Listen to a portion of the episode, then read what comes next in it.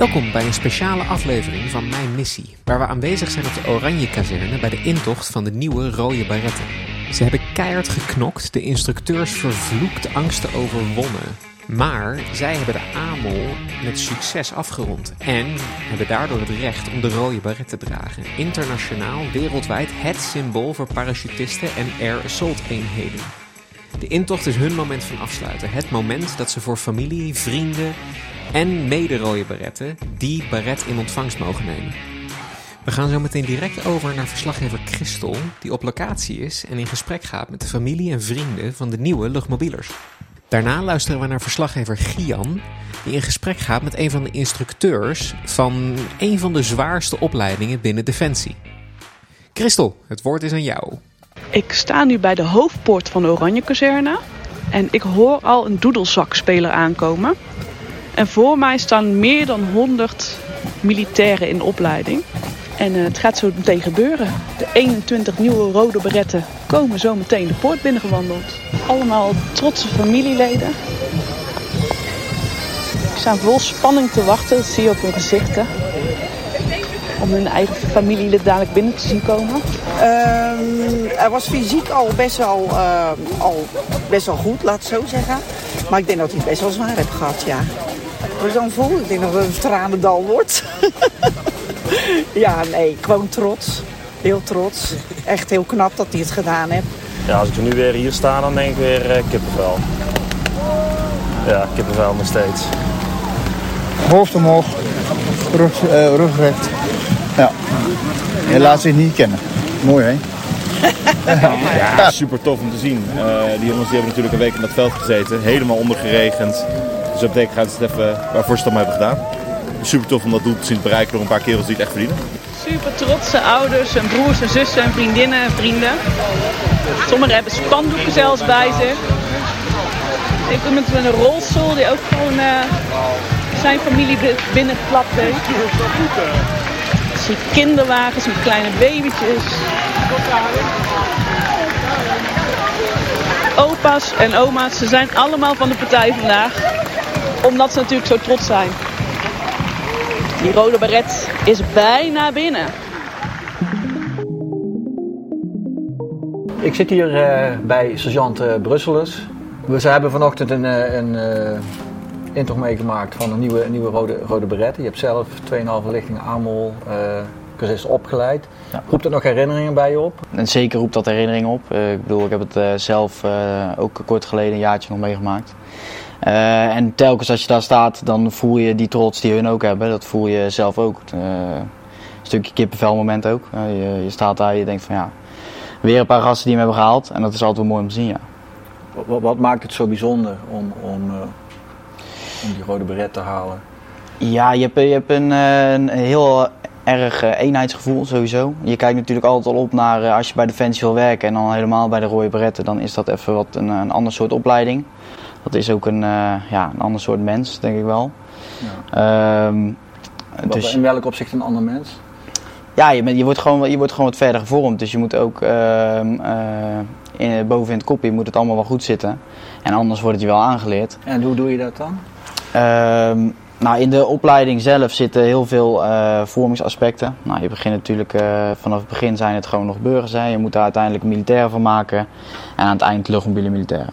En maak je dan ook wel eens mee dat je denkt van goh, iemand komt te laat of, of ruimt de kast niet goed in. Dat je denkt van goh, hoe ga ik hier iets van maken?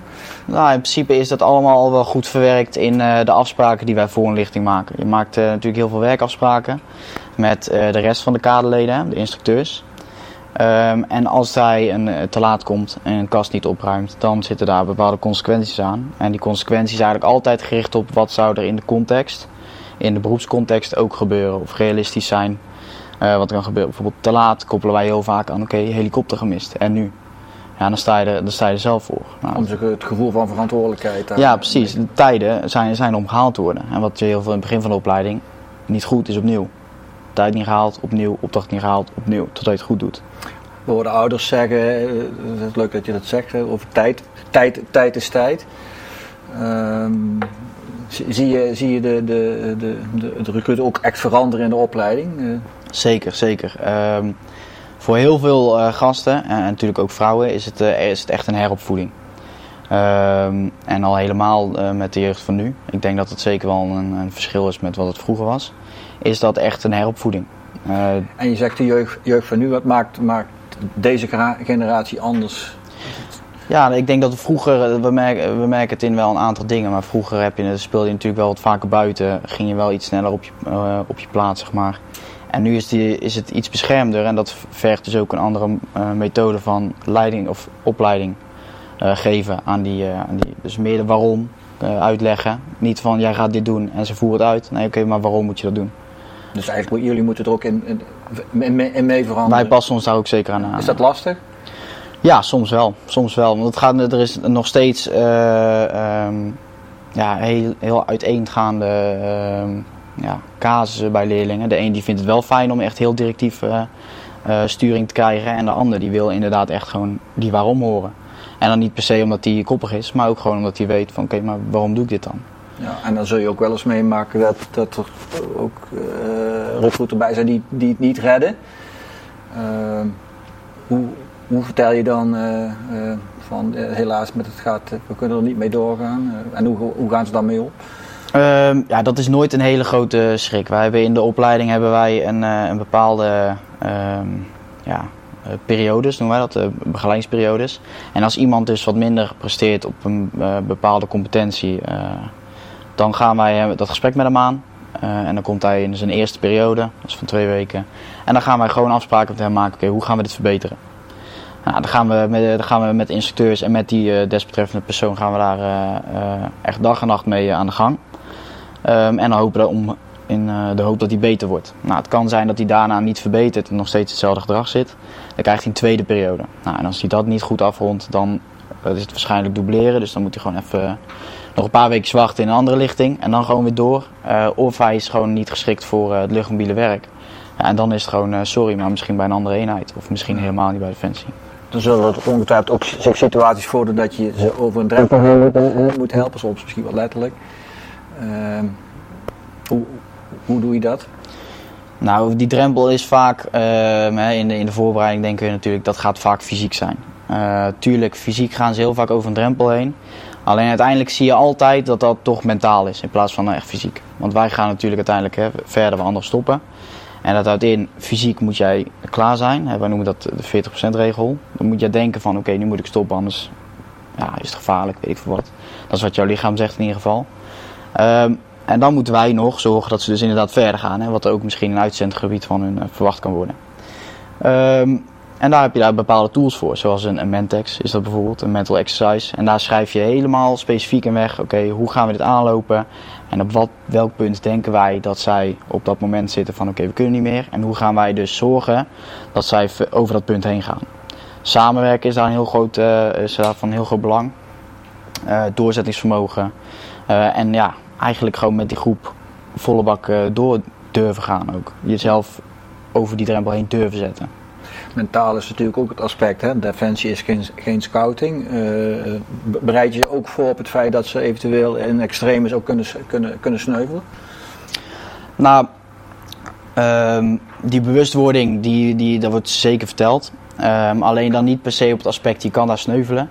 Meer van, wat kan je daar mee gaan maken? Want wij trainen niet om te falen. We trainen natuurlijk om, eh, om iemand af te, af te leveren die ook bekwaam is om daar te kunnen opereren. Ehm, dus ja, ze worden heel vaak, en eigenlijk dat is wat wij bedoelen met beroepscontext, geconfronteerd met, oké, hoe denken wij dat het daar gaat? Wat is onze ervaring daar? En aan de hand daarvan leiden wij op. Dus oké, wat kunnen we daar tegenkomen in dit missiegebied of eh, in eh, misschien de beroepscontext? Kan ook gewoon op de kazerne zijn. Dus we geven ze ook gewoon les. Oké, hoe, kan je, hoe kan je het beste met elkaar communiceren? Iemand hogere rang. Alles wat in de beroepscontext kan vallen, daar eh, refereren wij eigenlijk altijd naar. In consequenties als ze iets fout doen, als ze het goed doen. eh, maar ook gewoon als voorbereiding van hoe gaat het straks zijn. Wat vond je zelf het, het, het, het mooiste onderdeel van de opleiding? Wat, wat, Nou, de opleiding is eh, ingedeeld in 18 weken AMO. Ehm, en dan worden ze algemeen militair, ja, algemeen militaire opleiding is dat. En uiteindelijk ga je dan 10 weken luchtmobiele gedeelte in. Ik vind het mooiste gedeelte aan de, eh, de eerste vier weken, eh, de internaatperiode noemen we dat. Want dan zie je echt dat er heel veel veranderingen plaats gaan vinden. eh, bij personen specifiek in het groepsvormingsproces. Maar ook het einde vind ik heel gaaf. Want dan gaan die gasten echt doen waar ze eigenlijk voor gekomen zijn. Dat doe je in principe door de hele opleiding al wel. Alleen daar krijgen ze dat gevoel wat meer. Hè. Ga je met de helikopter ga je vliegen. De oefeningen worden iets, iets spannender, iets uitdagender. Ehm, zij gaan eigenlijk, hè, moet ik het even zeggen, iets meer naar de kloten. En dat vinden ze zelf ook gewoon mooi. Ehm, Wat, wat, wat, wat is er mooi aan het, na- zoals je het mooi naar de kloten gaan? Ja, de groepsbinding. De- en dat zeggen ze allemaal. Weet je, ehm, je wordt echt een groep als je door dat soort dingen heen gaat met z'n allen. Daarom doen wij, dat is ook deels waarom we die mentex doen, die mental exercises. Die zijn vaak op fysiek aspect geënt. Want ze moeten uiteindelijk, ze moeten het samen doen. Anders gaan ze het niet halen. Punt. Dat kan ik, dat kan ik je nu in, dat is bij elke opleiding, elke militaire opleiding. Niet samen doen is niet halen. En wat betekent het uiteindelijk om die rode beret te, te mogen dragen? Ja, dat, eh, en dan spreek ik vanuit mijn eigen ervaring. Dat was eigenlijk gewoon eh, ja, een hele bijzondere trots. Gewoon puur, eh, puur trots gevoel. Eh, je hoort bij de eenheid vanaf nu. Eh, je hebt iets gehaald wat, ja, wat gewoon niet voor iedereen is weggelegd. Ook iets wat je je hele leven al wil. Ehm, Neem je dat ook gedurende de opleiding mee richting, richting eh, ja, die zeker. opleidt, zeker. Ja, uiteindelijk gaat het natuurlijk om hoe sterk is jouw waarom. De waarom vraag, waarom doe ik dit? Eh, die wordt ook heel vaak geconfronteerd bij die gasten. En vanaf het begin tot het eind eigenlijk. Dat is de eerste, een van de eerste vragen die we stellen. Waarom wil jij bij deze brigade werken? En uiteindelijk ga je dat eh, tot het einddoel eh, eh, werken. Nou, waarom? Dat is de rode bret. Kun je zelf nog een moment voor de geest stellen dat je zelf een moment had van, goh, dit is wel heel erg heftig van hoe, hoe kom ik hier doorheen? Of, of ben je zelf al... Ja, ehm, tuurlijk, tuurlijk. Want dat, dat is ook waar, waar je gecontroleerd in wordt, in wordt gedrukt eigenlijk als leerling. Ik heb dat zelf ook vaak genoeg mee moeten maken. Ehm, maar ja, neem je dat denk dan ik... ook mee in de opleiding? Net als, je, als je het spiegelt met... eh, met eh, Ja, zeker, zeker. Je, je doet ook heel veel vanuit je eigen ervaring naar die leerlingen toe. Ik heb dan wel een andere opleiding gedaan. Ehm, alleen dat neem je zeker mee, ja. Ja, Ehm, ja een gouden tip. Ik denk dat het niet per se een, een gouden tip is om de, om de rode bret te halen, maar dat is meer. Ja, je wil, het is hoe je in elkaar zit. Je wil samenwerken met mensen, je wil het beste uit jezelf halen. Misschien niet een kantoorbaantje, wat, wat, dat de meeste mensen willen. Je wil gewoon in het veld dingen doen.